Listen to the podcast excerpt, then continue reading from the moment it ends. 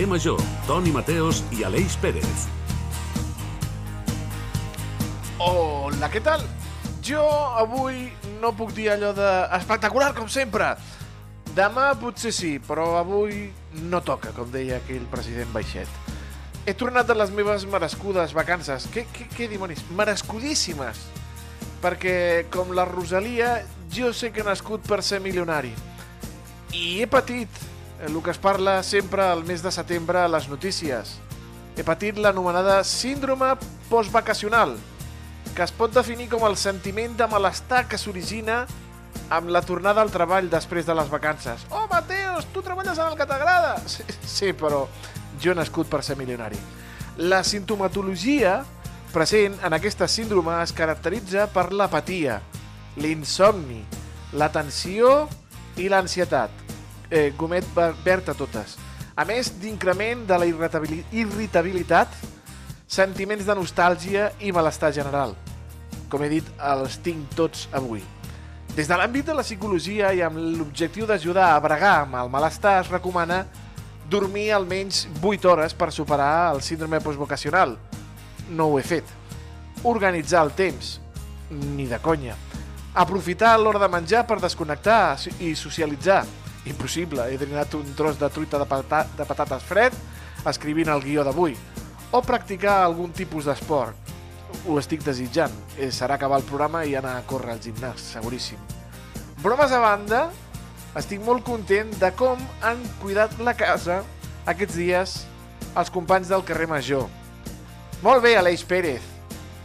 Com t'ha anat tot això, amic? Com estàs? Hola, Toni Mateos, què tal? Ens ha encantat de que tornis a estar aquí amb nosaltres. Jo crec que t'hem cuidat bé el piset, eh? Te l'hem deixat l'hem deixat mm, net, te l'hem deixat amb el menjar, tots els animals no han passat gana, les plantes de plàstic també han estat doncs, regades, o sigui que ho hem deixat tot molt net i preparat perquè tornessis avui.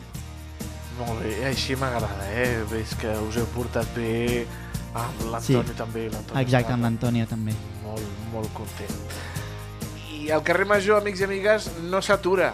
Eh, ho fan possible un munt de temporades eh, que portem al darrere les esquenes, les 8 emissores del Camp de Tarragona, 8 com Ràdio Ciutat de Tarragona, Baix Camp Ràdio, Ràdio Montblanc, Altafulla Ràdio, Ona la Torre, Ràdio La Selva del Camp, la nova Ràdio de Reus i Ràdio L'Hospitalet de l'Infant, amb la xarxa de comunicació local. Deixé, deixo enrere el meu estimat creuer i posem nosaltres la velocitat de creuer amb el nostre tècnic, el capitán Iago. Benvinguts i benvingudes a Carrer Major.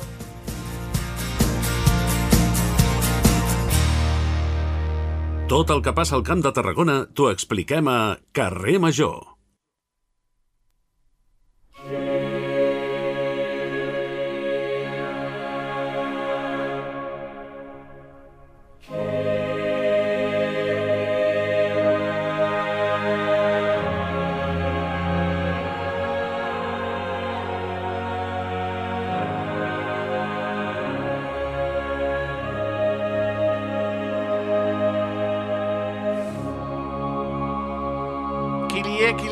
Quilie, l'Ereison. L'Església del Sagrat Cor de Vistabella celebrarà aquest cap de setmana el cicle Primavera Musical, que molts de vostès s'estan preguntant, primavera? Ara, al mes de novembre? No, es tracta dels concerts finals d'aquest cicle que arriba a la seva sisena edició i que van començar el passat mes de maig amb un seguit d'actuacions de música de cambra. Per parlar-nos d'aquest eh, cicle, d'aquesta primavera musical que acaba ara al mes de desembre, crec, ens acompanya als estudis de la nova Ràdio de Reus l'alcalde de Vistabella, el senyor Josep Maria Manyer, al qual saludem. Senyor Manyer, molt bona tarda i benvingut al carrer Major. Hola, molt bona tarda. Segona part dels concerts. Per què segona part? Es va haver d'aturar, si, no tinc, si tinc mal entès, per les obres de l'església, no? Sí, l'obra, l'església del Sagrat Cor de Vistabella estava en rehabilitació, no? I quan es va programar això ens pensàvem que més o menys a l'abril havia de- d'estar acabat tota la, la... I a més a més la rehabilitació era l'interior, no? Havia d'estar acabada uh, perquè comptàvem de que el 25 d'abril feia el centenari de la benedicció, de la inauguració, diguéssim, no? i clar, teníem programada. Llavors, al no poder fer els concerts de l'interior, vam fer lo de fora. Va... Aviam, la primavera musical sempre consta de, de cinc concerts, quatre a l'interior, un a l'exterior, que és el que tanca l'edició. En vam poder treure dos i llavors vam ficar els que no es podien fer a l'exterior perquè era inviable, no? els vam guardar i els fem ara a la tardor. I a més a més, ja que és el centenari, l'hem suplementat amb un altre, o sigui que aquest any eh, tirem la casa per la finestra que es diu i en vez de 5 ne fem 6. Home, eh, s'ha de llançar la casa per la finestra perquè, com vostè diu, no sempre se fan 100 anys d'aquesta joia modernista de, de Jujol, declarada bé cultural d'interès nacional el 2011, no? Sí, així va ser l'Ajuntament de la Secuita en aquells moments, no? el 2011, per protegir el que és l'Església del Sagrat Cor, que va fer declarar el bé, de, bé cultural d'interès nacional, un vecin, que es diu, no? i bueno, està protegida, diguéssim, simplement és això, és una protecció. Mm. Jo li volia preguntar, senyor Manyer, com va anar aquesta primera part del cicle, si n'estan satisfets, si realment va complir les expectatives i, i bé, com va anar aquest, aquest, aquesta primavera musical de Vella a primavera? Va, va anar molt bé. El primer concert vam tindre que amb, cinc, amb sis anys no havíem tingut mai, pluja, teníem tot muntat a l'exterior amb els Avatar, no? Uh, si suspenem, si no suspenem, va arriesgar-nos i va començar a ploure i vam fer una cosa que es va sortir bé. Clar, Vistabella és un poblet molt petit, encara que sigui nucli de, les, de la Secuita, que la Secuita, és, som municipi de la Secuita, tenim quatre nuclis, uh, tenim els nuclis de l'Argilaga, les Gunyoles i la Secuita, no? I tenim un teatret a l'Argilaga, no? I vam dir, va, si quedem allí, provem allí, vam traslladar cap a l'Argilaga, vam fer traslladar tota la gent cap a l'Argilaga i va anar molt bé i els altres dos concerts molt bé, dels exteriors. Un, si no recordo malament, era jazz, no? que va anar molt bé, i vam tancar, diguéssim, que és la que tancava el cicle, amb la Maria del Mar Bonet i el Dani Espasa, que bueno, allò va ser una excepció, vam omplir la plaça, diguéssim, no? Vora unes 300 persones, 250, molt llargues, molt llargues, molt llargues. Uh mhm. -huh. Clar, el... pensem que Digui, estem parlant de poblets molt petitets, eh? Dels espais sí. són molt reduïts tots. Uh -huh. I tant, i tant que sí. I a més a més, eh, aquest festival, aquest cicle de, de la primavera musical, té uns clars objectius, eh, senyor Manyer, que és música vocal de cambra, que sigui també de quilòmetre zero el més possible, amb artistes mm -hmm. propers, no? Sí, això t'hauria de contestar més el director musical, que no ha pogut estar aquí, però bueno, sí, és, és això. O sigui, la idea que tenim des del començament que això el director musical, que és el Marc Guerris, ho explicaria més bé, però bueno, com que no ha pogut, vas dir, la idea sempre és aquesta, buscar gent amb un, amb un nom, amb un petit nom, no? perquè clar, eh, estem parlant dels espais que tenim a dintre de la nostra església ens caben 150 persones, així, són un tipus de concerts que són això que diríem concerts íntims, no? o sigui, veus els instruments, veus, toques l'orga, quasi que et pot dir, fiques el nas dintre el piano, etc. O sigui, estàs molt dintre dels artistes, no? i clar, sempre hem buscat una part més d'un nivell, però també això, la del quilòmetre zero, amb gent molt bona, eh? molt bona. Mm -hmm.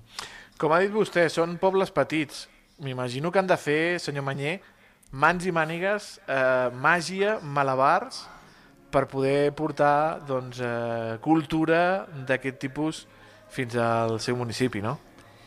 Sí, bueno, tens de treballar buscant subvencions, buscant col·laboracions i tires endavant i, i treballant, i treballant, o sigui, nosaltres no, no et vindrà ningú a muntar un escenari, te, si que el regidor doncs, té de posar cadires, posa cadires, si les té de treure, té les treure, si anem treballant així com podem amb voluntat, no? Però és que l'espai et dona això, també, diguéssim, no? O sigui, quan vam començar, vam, vam començar així aviam, d'anar per casa a dir, bueno, va, provem-ho, no? Perquè simplement van vindre una coral a cantar que van conèixer l'església, coneixia unes persones que cantaven i em van dir, oh, això és meravellós, sona fantàstic, no? Bueno, aquí hem d'aprofitar hem de fer alguna cosa, hem de fer alguna cosa, fer alguna cosa. Bueno, doncs, ja, jo no hi entenc, vosaltres proposeu, i la resta de l'Ajuntament busquem recursos, no? I és així, no? O sigui, l'Ajuntament col·labora, tenim col·laboració de la Diputació i també tenim uns petits sponsors que ens ajuden a això. I tota aquesta idea va començar amb col·laborar, diguéssim, i difondre per la, eh, per la rehabilitació, diguéssim, que es feia d'aquest espai, no? però bueno, ara tothom està encantat i ja està. Ja dic, i és que l'espai és molt reduït, un concert allà dintre és, és que és fantàstic, és meravellós, o sigui, aviam, i encara que no entenguis de música, eh, és un concert que no cansen, no, no sé, és que és molt íntim. Uh, L'any passat van tindre, la primavera passada, no aquest del, del 2022, no? Uh, a l'organista el Juan de la Rúbia, si no m'equivoco. Clar, la gent després, quan va acabar el concert, molts que estaven interessats van anar a mirar un orgue allà al damunt tu vas al Liceu, pagaràs el triple d'entrada i no aniràs a veure l'orgue. Ja quan s'acaba el concert, quan s'acaba el concert t'obriran la porta i surts cap al carrer i s'ha acabat, no? I després també tenim una cosa molt bona, no? Que, clar, allí som terra de vi, no? Uh, la, la, estem a dintre a la, a la cooperativa de Vilarrodona, no? que és Castell d'Or, també, i ens obsequien amb una mica, amb una copeta de cava, quan s'acaben els concerts donem a l'exterior una copeta de cava, i al forn de la pastisseria del poble, de la Secuita, no? Ens, també ens obsequia i donem un trosset de coca, no? I clar, tu allí també tens una petita tertúlia amb tots els artistes, perquè ells també estan allí amb, amb nantros, diguéssim, no? Això m'interessa, sí, això m'interessa, o sigui que és eh, vi, coca no, i poder parlar cap. amb els artistes de primera mà, no? Sí, sí, la copeta de cava i estàs allí amb ells, estàs allí amb ells. Sí, sí, sí, és que és així, és així. Sí. I, el, concerts, i, molt, bueno... concerts, concerts molt íntims, no trobes, Aleix? Doncs sí, em sembla una oportunitat a més única això, no? d'apropar la cultura i també de, de tenir oportunitat de, de que la gent de Vella també doncs, pugui veure músics de, de primer nivell del, del territori. Sí, aviam, ha vingut gent de, de molt de nova. Vam començar el primer any amb, uh, com a excepció uh, amb el Quartet Mel, que havien acabat de guanyar-se ja feia dos anys uh, l'edició del Happy Day, no? Uh, vam, vam omplir, vam, bueno, ja amb tots els concerts més o menys omplim, no? Uns es costa més, altres costa menys, no?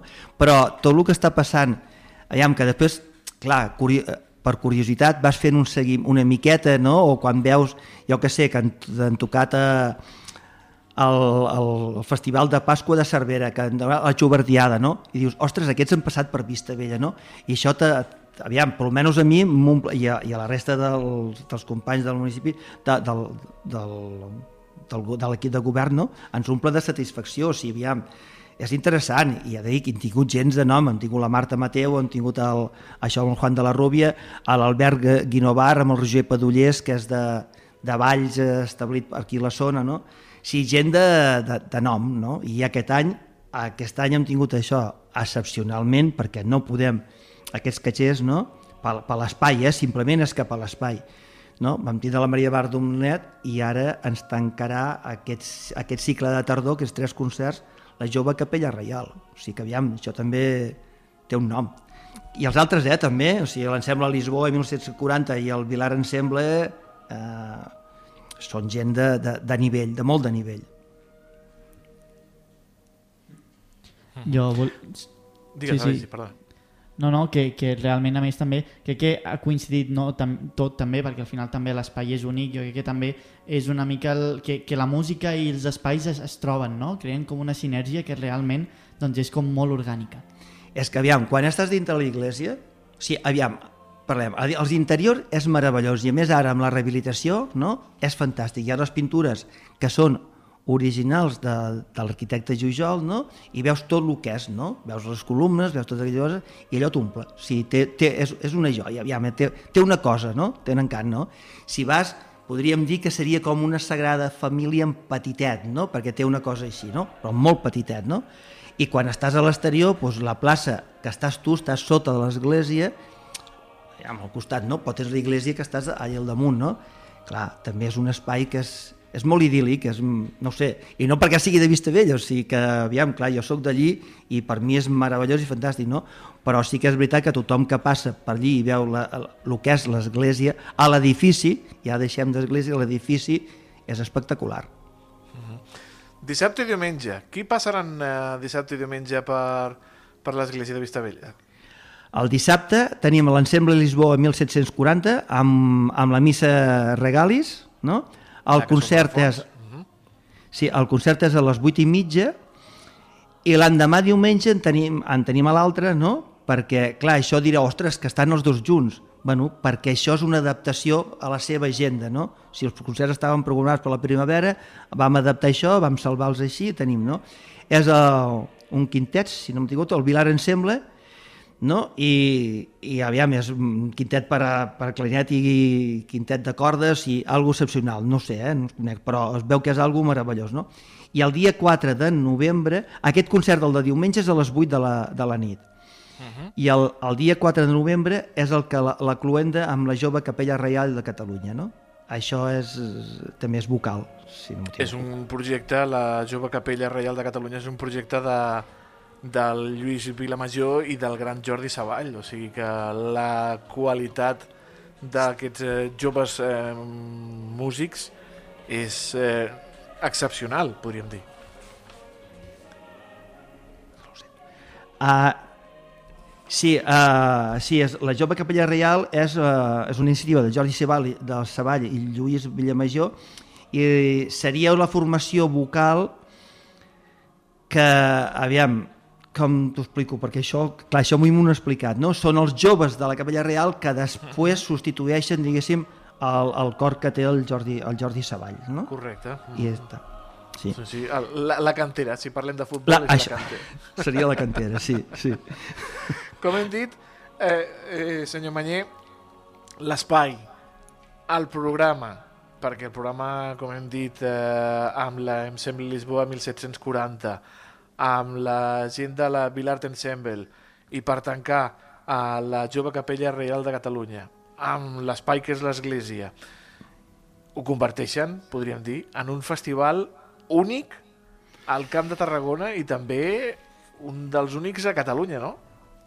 Home, aviam, que és molt important el camp de, que és interessant el Camp de Tarragona, sí, que estem treballant, sí.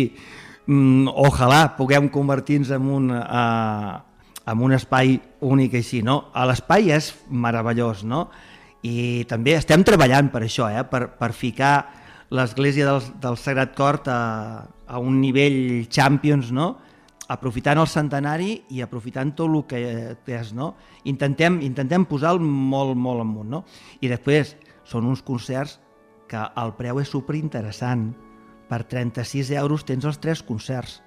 Si uh -huh. això això només cal que anem a qualsevol teatret de, eh, de per aquí a la vora i quasi que et pot dir que et cobren l'entrada uh, una entrada, o sigui, un concert seria una, una entrada, o sigui, el preu aquest de 36, no? És molt... Eh, crec que val la pena, que val la pena com a mínim conèixer-ho, no? I, I després, doncs, si l'any que ve no us vindrà ja està, però sí que hauríem de passar-hi tots alguna vegada. Ja dic, tothom qui passa n'està molt content i molt satisfet, no? I, bueno, esperem que ara també ens ajudi, no? Ens tenim una miqueta de, de feina allí perquè bueno, estem, estem molt, molt a l'interior, bueno, estem a que tampoc estem tan lluny, eh? estem a un quilòmetre de l'estació del camp, de Tarragona, uh -huh. si de l'AVE, vull dir que també no és d'això, no? Però, bueno, esperem que sigui un èxit, sempre ho ha sigut, mmm, sempre en sortit tothom ha sortit molt content i esperem el 24 cap a la setena edició a un quilòmetre de l'estació de l'AVE tenir un tresor com aquest d'en eh, Jujol eh, que han dit que l'han restaurat amb, amb molta cura, amb molt de carinyo per aquest centenari. Eh, per anar tancant, eh, alcalde, què li han fet a l'església? Que, quines han estat les obres de restauració doncs perquè estigui 100 anys més eh, dreta? Aviam, la, a l'església aquesta ara ha fet els 100 anys. Llavors, el 2016 es va començar amb, amb diguéssim, la rehabilitació del que és l'agulla del, del, del campanar. L'església de Vistella no té campanar. El campanar està damunt de l'església. Normalment els campanars de l'església estan al costat, pugen cap al sí. lateral. Aquest està al damunt. O sigui, tu entres, el tens damunt. O sigui, tu quan estàs dintre l'església està al teu damunt, no? I llavors es va començar per l'agulla, es va seguir amb els altres anys, en diferents anys, no? Els exteriors, mmm, amb la rehabilitació de, i fent un repàs, diguéssim, tota la neteja, no? Hi havia molt de, de verdet, molta... Bueno, fent una neteja perquè en cent anys no havia fet res. I a més a més els terrats plans. Hi ha dos terrats plans que són la sagristia i un magatzem. Això es va mm, repàs, fer un repàs tot, s'ha condicionat, no? A més a més, l'església aquesta teníem un, teníem un problema de moltes humitats. Clar, quan l'església es va fer, els carrers no estaven endoquinats ni estaven asfaltats, no? sinó que eren terrers. I suposo que la, la mateixa terra que hi havia tot arreu, no? quan plovia, absorbia l'humitat. Ara tenim humitat. què s'ha fet amb l'última part de la rehabilitació, que són les flashes 4, 5 i 6, si no m'equivoco, potser inclús la 3 i tot, no? Eren els interiors. Els interiors de què costaven? Uh, fusta, el, el metall que hi hagués, el ferro, il·luminació, i tota s'ha fet la neteja perquè l'església del Sagrat Cor, el 36, dintre de la Guerra Civil, va estar cremada. Llavors s'ha fet una neteja de, de, tota, de tot el que és obra sobre, sobre maó, sobre pedra, res sobre el que està a les parets llises, que són de guix, no? on estan les, la major part de pintures. Això no s'ha no fet res, s'ha netejat el, o sigui, tot el que és mm, eh, obra, ma, maó, diguéssim, i pedra, no? S'ha fet la neteja, la il·luminació, s'ha fet un repàs de tot, fusta, ja t'he dit tot, no? i s'han rehabilitat les coses que s'han pogut en petits detallets i a més, més que res, més que rehabilitació és recuperar-ho no? i un fixament sobre les pintures que hi ha i ara quedaria la, una, una fase següent, si es pogués fer, que no hi ha ni projecte ni res, simplement són idees, de la rehabilitació de les pintures de sobre les parets de guix que això diu que és molt complicat, els que entenen diuen que és molt complicat, però bueno, crec que s'ha d'intentar fer alguna cosa. Doncs molt bé, estarem molt atents tant a aquesta reforma com també, òbviament, als tres concerts que queden per acabar, no? amb aquesta primavera Vista Vella, Vista Vella atípica, que és a la tardor, moltíssimes gràcies, alcalde de Vistabella, senyor Josep Maria Manyer, per el seu temps i per venir aquí a explicar doncs, aquesta iniciativa doncs, que fa tant de territori. Molt bé, moltes gràcies a vosaltres.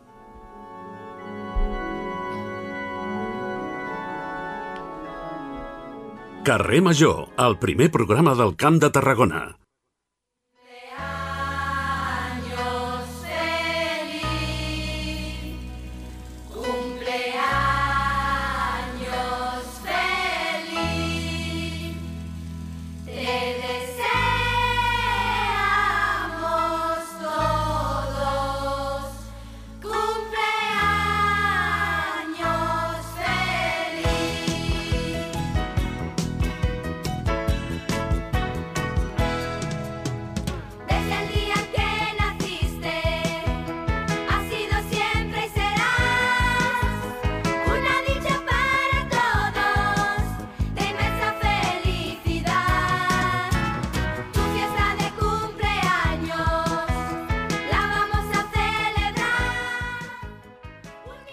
Parxís, parxís, parxís. Els que tenim canes al cabell eh, cantem aquesta cançó, els altres canten la del Club Super 3, etc etc. Bé, passem del centenari de l'església de Vistabella, nosaltres continuem de, de cumpleaños feliz. Ara bufarem 25 espelmes. Ai, qui les bufés? Les, des, les del pastís dels companys i companyes de H2O, col·laboradors habituals del carrer Major, en la nostra secció de gènere. L'entitat LGTBI, referència del nostre territori, sempre ens acompanya. I avui, als estudis de la nova ràdio de Reus, que sembla que l'Aleix avui té overbooking... Sí, sí, avui tenim... tinc una festa. Sí, doncs mira. tenim a l'Arnau Esteban, militant de H2O, i al qual saludem. Esteban, Arnau Esteban, eh, bona tarda. Hola, bona tarda. Merci, merci per convidar-me novament aquí a Carrer Major. 25 anys. Hosti, qui els fes? Quin 25 balanç... anys es... Digues, per... disculpa? No, no, que dic, quin balanç en feu des de l'associació d'aquests 25 anys? Sou encara joves. Som encara joves. Bueno, a 25 anys... Home, primerament és, eh, suposa molt d'orgull, no?, poder mig presumir que una entitat fa, fa tants anys i tants, tants anys de trajectòria en, en un moment en què, en què l'activisme eh, va patir una davallada per culpa de la Covid, no? poder saber poder-se uh, haver revifat de la postpandèmia i a sobre poder celebrar 25 anys, doncs la gent que té recorregut a l'entitat eh, està, està molt orgullosa de poder-ho celebrar. Com he dit al principi, sou l'entitat LGTBI de referència del Camp de Tarragona, tant per la feina que s'ha fet bé com uh, per, per tot l'esforç i tota la lluita, no? Sí, sí, sí, bueno, a H2 ens agrada treballar molt, molt humilment, fer sempre el que, el que ens ve de gust fer i quan enfoquem l'activisme la primera pregunta és què ens ve de gust fer, no? És molt fàcil agafar una carpa i repartir pamflets o fer xerrades o fer infografies digitals o fer, doncs, jo què sé, qualsevol cosa que se en activisme, però la pregunta més important és què ens ve de gust fer, per què tenim forces, per què tenim ganes i aquí ens, ens volem dirigir. I moltes vegades l'activisme que millor ens ha funcionat és el que fem de cara, de cara endintre, de portes a nosaltres, de, de la, la nostra gent a la que volem curar, a la que, a la que volem cuidar, a que ens volem eh, fer companyia i és les, els, els actes que més èxit han tingut sempre. Efectivament, tota aquesta feina de cures no? que, que intenteu sempre promoure des de, des de H2O. És, sé que és complicada la pregunta, però amb què us quedeu després de tots aquests 25 anys? Amb les persones que hi han passat, amb els records que heu viscut? Amb què us quedeu? Sé que és complicat.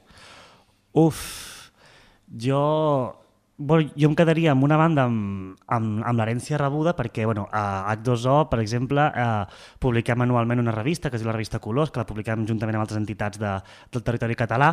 És una revista que si tu agafes qualsevol article de fa 10, 15 anys o, o, o, o menys, llegeixes coses, llegeixes frases que dius, bueno, pues tot això pues, ha quedat obsolet, ja no es porta, ja no tal... Clar, en el seu moment sí que va ser molt contemporani i molt trencador, però veiem com actualment ha quedat desfassat i no, i no ho diem des de, bueno, pues, eh, renegar d'aquest passat, sinó al contrari, dic, mira, érem així fa uns anys perquè era el que hi havia, actualment no diríem aquest discurs que potser, pues, jo que sé, hagués sigut acusat de transexclusiu, de racista, de mm, gaycentrista, el que fos, dic, doncs mira, hem adaptat el discurs, l'hem agafat al segle XXI i al 2023 podem seguir dient que agafem eh, doncs, paraules contemporànies i que estem a, a, al, bueno, doncs al, al minut zero de l'activisme.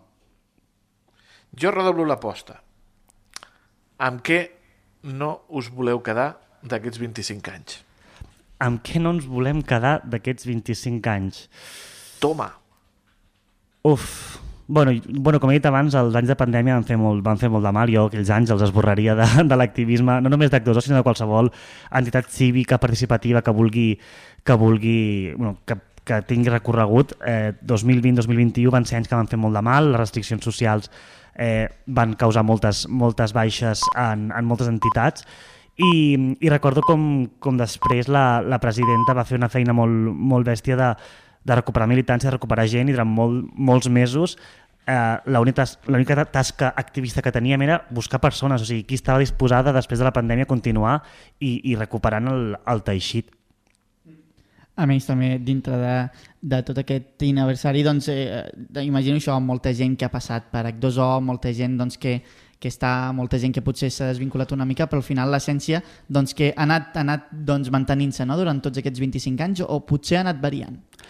Bueno, la meva perspectiva és que, és que ha anat variant, perquè jo sóc d'aquesta eh, nova militància que porta 3-4 anys a, aquí a l'entitat Llavors a vegades em diuen, sí, perquè jo d'actors connecta el persona no sé quantos tal, que va militar no sé què, dic, mm, no, no, no sé de quin parles. Però em fa il·lusió, eh? o sigui, dic des de, sí. des de les ganes de dir, uau, que fort que, que, que actors sigui encara més gran que tot això, no? que sempre et pugui portar sorpreses i que encara que tu no coneguis una persona, dius, ah, pues sí, jo vaig participar, no sé què, l'any 2000, jo què sé, 2011, 2005, pues, jo, és xulo, fa sí, il·lusió. Hi ha un canvi generacional, però que tot i així ha estat dins d'H2O, no? de diferents generacions. Sí, sí anem, anem, anem creixent, agafem el, agafem el llegat, eh, ens agrada molt eh, descobrir com les, les generacions precedents van, van ser pioneres en, en, moltes, en moltes coses. H2O va tenir la primera presidenta dona d'una entitat LGTB de Catalunya, per exemple. Eh, H2O va ser de les primeres entitats en aconseguir penjar una bandera no institucional a l'Ajuntament de Reus, encara que fos pel 17 de maig i no pel, pel 28J, que com sabeu aquí és Sant Pere. Llavors, bueno, doncs totes aquestes anecdotetes que, que dius, bueno, doncs hem anat aconseguint coses i, i, i, venim, i venim de lluny, doncs a mi em fa sempre molta il·lusió descobrir-les, encara que porti 4 anys, doncs en segueixo aprenent. Uh mhm. -huh. Home, ara teniu el reconeixement de l'Ajuntament de Reus que per les festes de misericòrdia us va fer un reconeixement d'aquests 25 anys de, de lluita, de reivindicació, de defensa, de llibertat, no?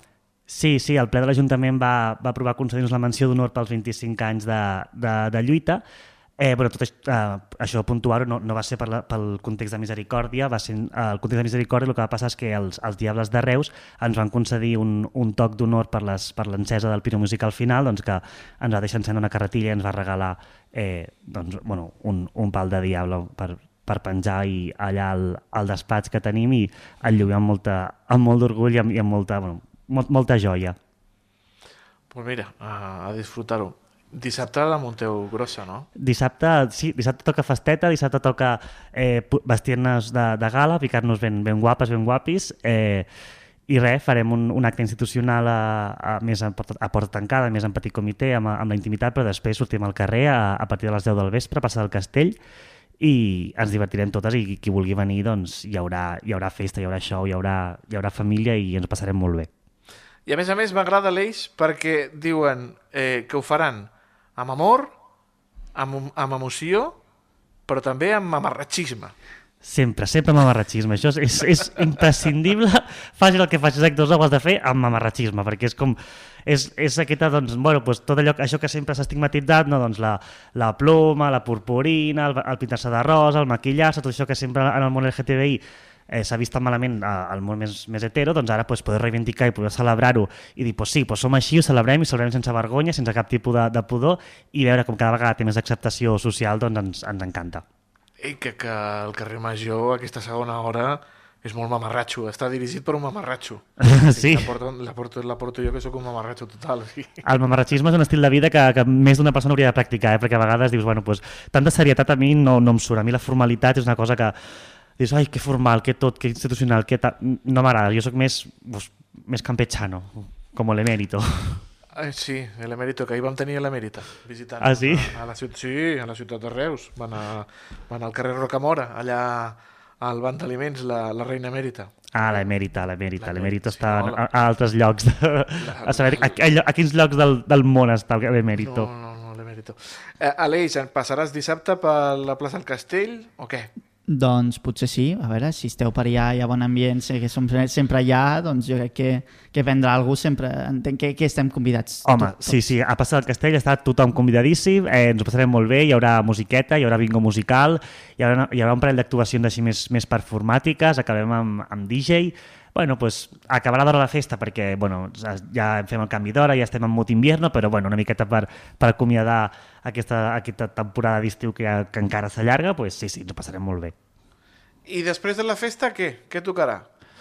A, el dia següent descansar, perquè hi ha hagut moltes companyes que... I dilluns, bueno, doncs, doncs fer balanç. Nosaltres sempre que fem un acte així, un acte de portes en fora, a la següent reunió el que, el que fem és eh, doncs això, dir com estem, com ens hem... perquè clar, vulguis que no, l'activisme desgasta. Hi ha moltes companyes que porten molts mesos preparant aquesta festa i des d'aquí doncs, els vull enviar doncs, una forta abraçada i un fort aplaudiment i unes moltes gràcies per l'esforç que han fet de, de poder fer possible aquesta festa. I amb elles els hi toca, els hi toca descansar, els, els toca doncs, eh, els hem de preguntar com, com es troben, si s'han desgastat, si, si, bueno, què, què esperen del futur i bueno, doncs fem balança de, de millorar o no millorar i ja començar a calendaritzar eh, tot l'activisme que volem fer el, el 2024. Guardem-nos un tros de pastís per la gent del carrer Major, Arnau Esteban. Ho intentarem, ho intentarem guardar un tros de pastís. Sí, home. Eh, No t'ho garanteixo, eh? hauries de venir, perquè si vols pastís... Complicat, no? Està és complicat. que jo tinc la, la Fira de la Selva. Dissabte tinc la Ah. Fira de la Selva i...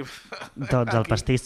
Demà ja l'agafaré jo per tu, Sí. Toni, no passa res. Se'l menjarà l'Aleix, el pastís. No me'n refio de l'Aleix. Arnau Esteban, una abraçada i que vagi molt bé aquesta Gràcies, festa una abraçada 25 forta. aniversari. Moltes Una abraçada gràcies. forta. Carrer Major, a la teva ràdio de proximitat.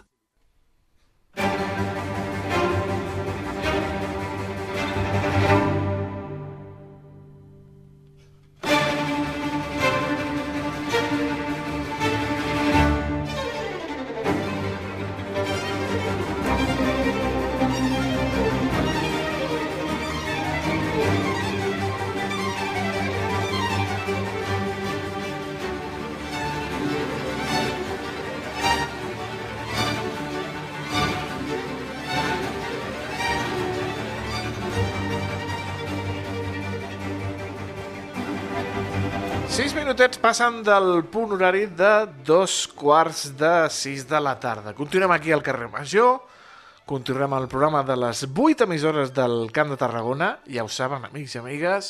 Qui som, qui som, qui som? Doncs mirin, jo els hi explico.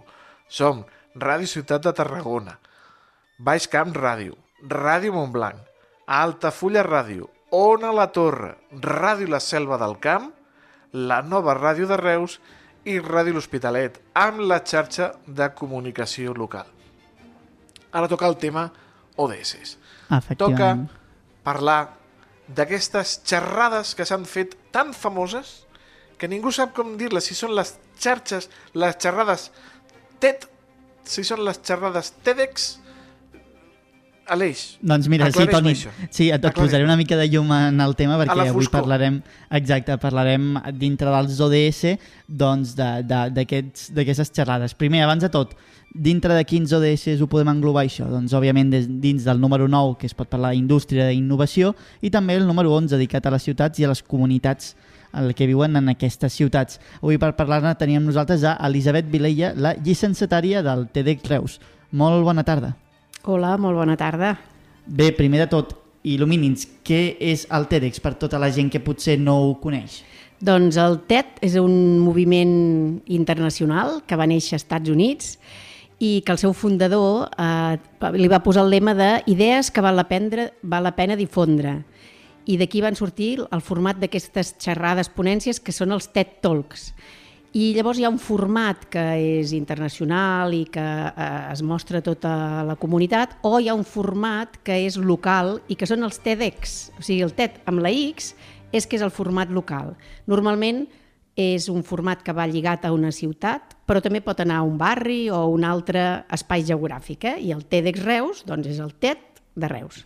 Per tant, llavors, hi ha moltes coses a explicar, no? I idees que valen la pena difondre aquí, també, al nostre territori.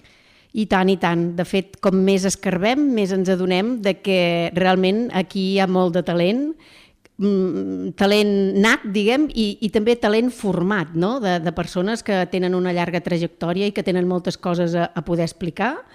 I també aquestes persones més joves, no? que han nascut doncs, amb unes capacitats i que potser també tenen coses a explicar des de menys experiència, però també molt interessant. Perquè podríem dir qui, quina data i quina hora es fa aquest TEDx Reus? El tenim aquí mateix, eh? és aquest diumenge, el dia 29 d'octubre, i es fa a la tarda de 4 a 8. I de, i de, què, com, de quines parts constarà l'acte? Com Sí. la gent que hi vagi, què, què es trobarà? Està estructurat, eh, són les vuit ponències, no? per tant tenim vuit eh, persones que ens il·luminaran amb les seves idees i està estructurat en dues parts. Hi ha una primera part amb, amb cinc xerrades, després hi ha una mitja part. En aquesta mitja part és molt interessant que a part de descansar i poder berenar una mica es pot interaccionar amb els ponents i aquesta és una part molt interessant. Després continuarem i aquest any en fem una cosa especial en acabar, les ponències, perquè com que fem l'aniversari de la desena edició, tindrem els que van portar el TEDx a Reus i els hi farem un, un petit reconeixement i després ja tanquem l'acte i acabem. Mm. Serà molt interessant també veure com, com aquesta idea no? que va començar fa 10 anys aquí al territori està, està ja, doncs és una, és una, és una cita no? que, que molta gent ja, ja acudeix de manera religiosa doncs, cada any.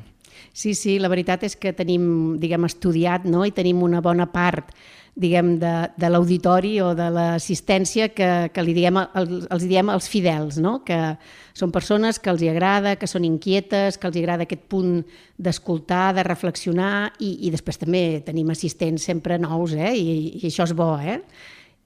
I tant, i tant, que és una oportunitat molt important. Bé, jo, eh, Friso, tinc moltes ganes de saber quines són les ponències, de què parlaran o quins són els ponents i per què els han escollit també. Sí, cada, en cada un d'aquests esdeveniments s'ha de triar un tema.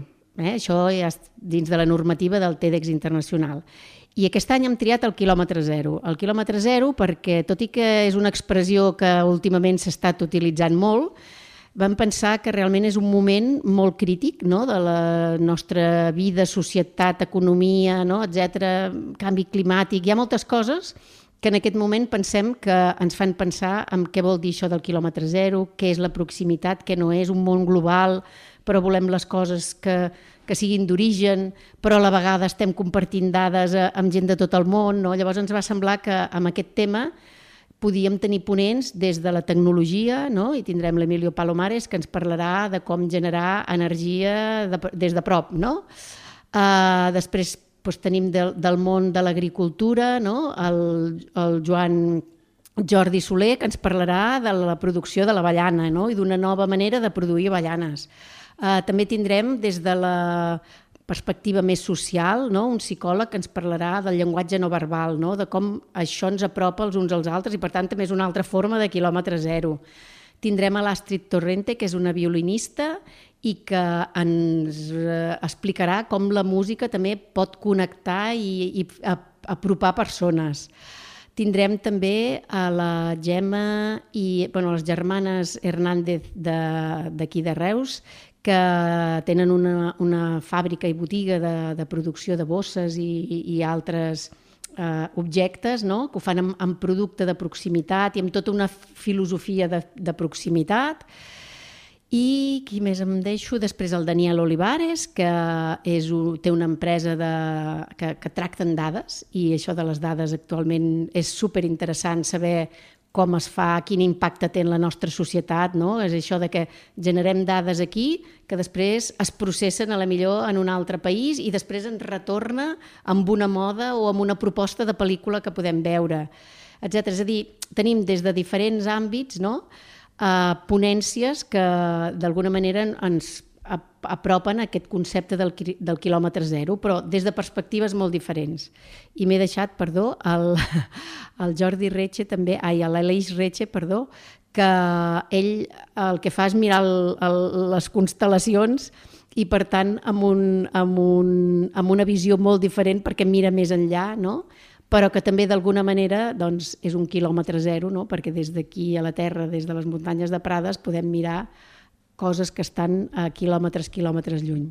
I com es fa aquest procés de selecció o, o realment algú diu, ostres, això seria molt interessant poder-ho explicar dintre d'aquestes xerrades. Com funciona? Potser la persona directament us, us contacta o són vostès que, que realment doncs, s'apropen a aquella persona i diuen ostres, seria molt interessant que expliqués el que fa. Sí, no, no, és una feina de l'equip organitzador, eh? l'equip organitzador que som voluntaris i que ho fem doncs, perquè ens motiva i perquè ens agrada i, i sense cap ànim de lucre ni res, però perquè pensem que val la pena fer aquestes coses a la ciutat. Llavors el procediment del TEDx ja té també una normativa internacional i s'ha de proposar cada any la proposta que és el tema i possibles eh, ponències i possibles candidats a fer aquestes ponències. És a dir, que tot això s'ha de preparar, s'ha d'escriure, s'ha d'enviar a TEDx Internacional i llavors t'ho validen i de vegades et fan modificar coses, t'ho fan enriquir o et, bueno, et, et, et proposen perquè al final surti un esdeveniment que tingui el màxim d'èxit. Per tant, darrere hi ha molta, molta feina i normalment som nosaltres que triem els ponents. Això no vol dir que alguna vegada la millor doncs, algú s'hagi apropat i sí pugui ser interessant, però normalment és l'equip que tria.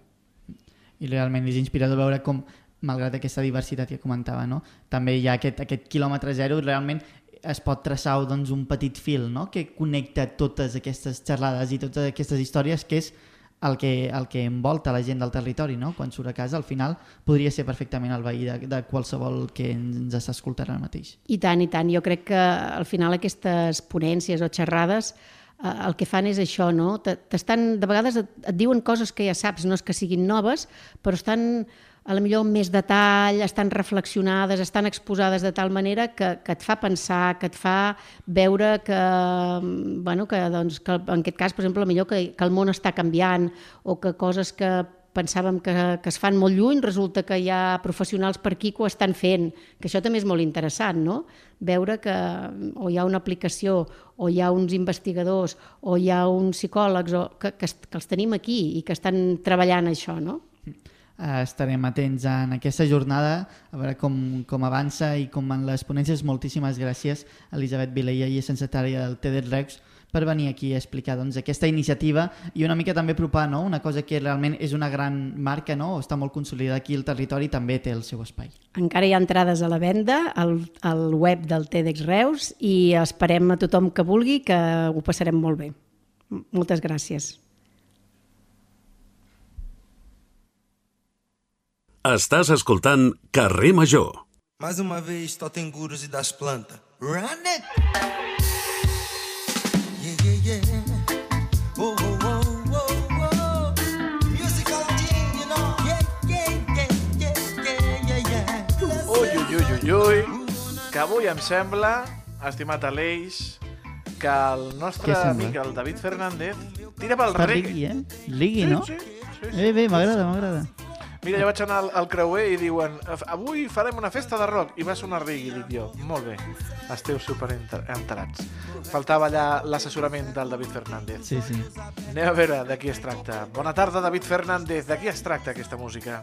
Hola Toni, bona tarda i ben tornat. Bona tarda, Aleix. Si ahir escoltàvem un dels màxims referents de la música scam, no només a casa nostra, sinó arreu de l'Estat, amb el Juancho Escalari, com ja podeu comprovar amb aquest ritme, ens decantem cap a la música reggae. Això que estem escoltant és un músic brasileny que fa molts i molts anys que està fincat al Baix Camp, concretament a Cambrils, i que de fet no para de tocar per casa nostra. Aquest passat estiu l'hem pogut veure amb diferents terrasses, xiringuitos, en platges d'aquí de la Costa Daurada i també amb tota mena de locals. És en Desplanta, un músic que s'ha donat a conèixer per fer versions de Bob Marley. Però a banda també té alguns temes propis, alguns penjats a Spotify, com aquest que estem escoltant avui i que es diu Eu Bou. I per què us posem avui la música de Desplanta? Doncs per explicar-vos que el Festival Regus, el Festival Rigui de Reus, un dels més antics de Catalunya, que enguany ha celebrat el seu 30è aniversari, doncs el seu organitzador, el carrer Major, ja ens explicava ara fa uns mesos que la intenció era celebrar aquest aniversari amb concerts al llarg de l'any. Doncs bé, a banda del Regus, que va tenir lloc per la Vigília de Misericòrdia, avui mateix han anunciat un concert de Desplanta, de tribut a Bob Marley, pel divendres mm, dia 3 de novembre a partir de dos quarts de nou del vespre al racó de la Palma, al passeig Mata número 12 de Reus, un concert gratuït, però això sí, amb taquilla inversa. Avui, doncs, aquesta banda sonora ens serveix per parlar-vos del Regus i dels seus actes de celebració dels 30 anys i per descobrir-vos la música de Desplanta, aquest intèrpret de reggae que versiona Bob Marley, que té cançons pròpies i que, si us ha agradat, sabeu que podeu buscar per les plataformes digitals. Avui, doncs, Desplanta al carrer Major. Doncs gràcies, David. Desplanta. I a més a més, com ens ha dit, hi haurà un concert properament a la Palma de Reus. I si és que està enterat de tot, si és que com, com ho sap tot, i saps qui viatja per tot arreu, estimat Aleix... I sí tant, i tant que ho sé, i tant, Sí, i tant. fàcil. Sí, quan sona aquesta música, quan sona aquesta sintonia, és moment de saludar al Miquel Llevaria amb la seva furgoneta que avui ha anat fins a Salou a parlar amb l'il·lustríssim senyor alcalde de Salou, amb el senyor Pere Granados. Miquel Llevaria, estimat, bona tarda. Molt bona tarda, companys. Doncs, mira, jo el que he fet és desplaçar-me fins a molts llocs que a mi m'agrada. Sí, a mi m'agraden molts llocs del Camp de Tarragona, però un d'ells és sempre acostar-me a la platja, per això tenim municipis com Salou, és que justament a Salou es viurà dintre de poc, aquest mes de novembre, el segon Salou Congress, un congrés molt important en el qual es tracta d'un tema tan important pel nostre territori com és el turisme, però que el que busca, al cap i a la fi, és innovar, és canviar, és millorar. I per parlar una mica de què consistirà aquest congrés, m'acompanya el Pere Granados, l'alcalde de Salou. Moltes gràcies per acompanyar-nos de nou a Casa Major. Moltes gràcies a vosaltres per invitar-nos. En el segon congrés que se celebrarà el dia 10 de novembre. En aquest, congrés serà un espai en que es parlarà de talent, es parlarà d'innovació, es parlarà també d'estratègia i es parlarà també de tecnologia. Eh, Jo crec que és molt important per a aquelles persones que tenen inquietuds en, en el tema que seria el turisme i la indústria, que ara aquí un petit conceptual,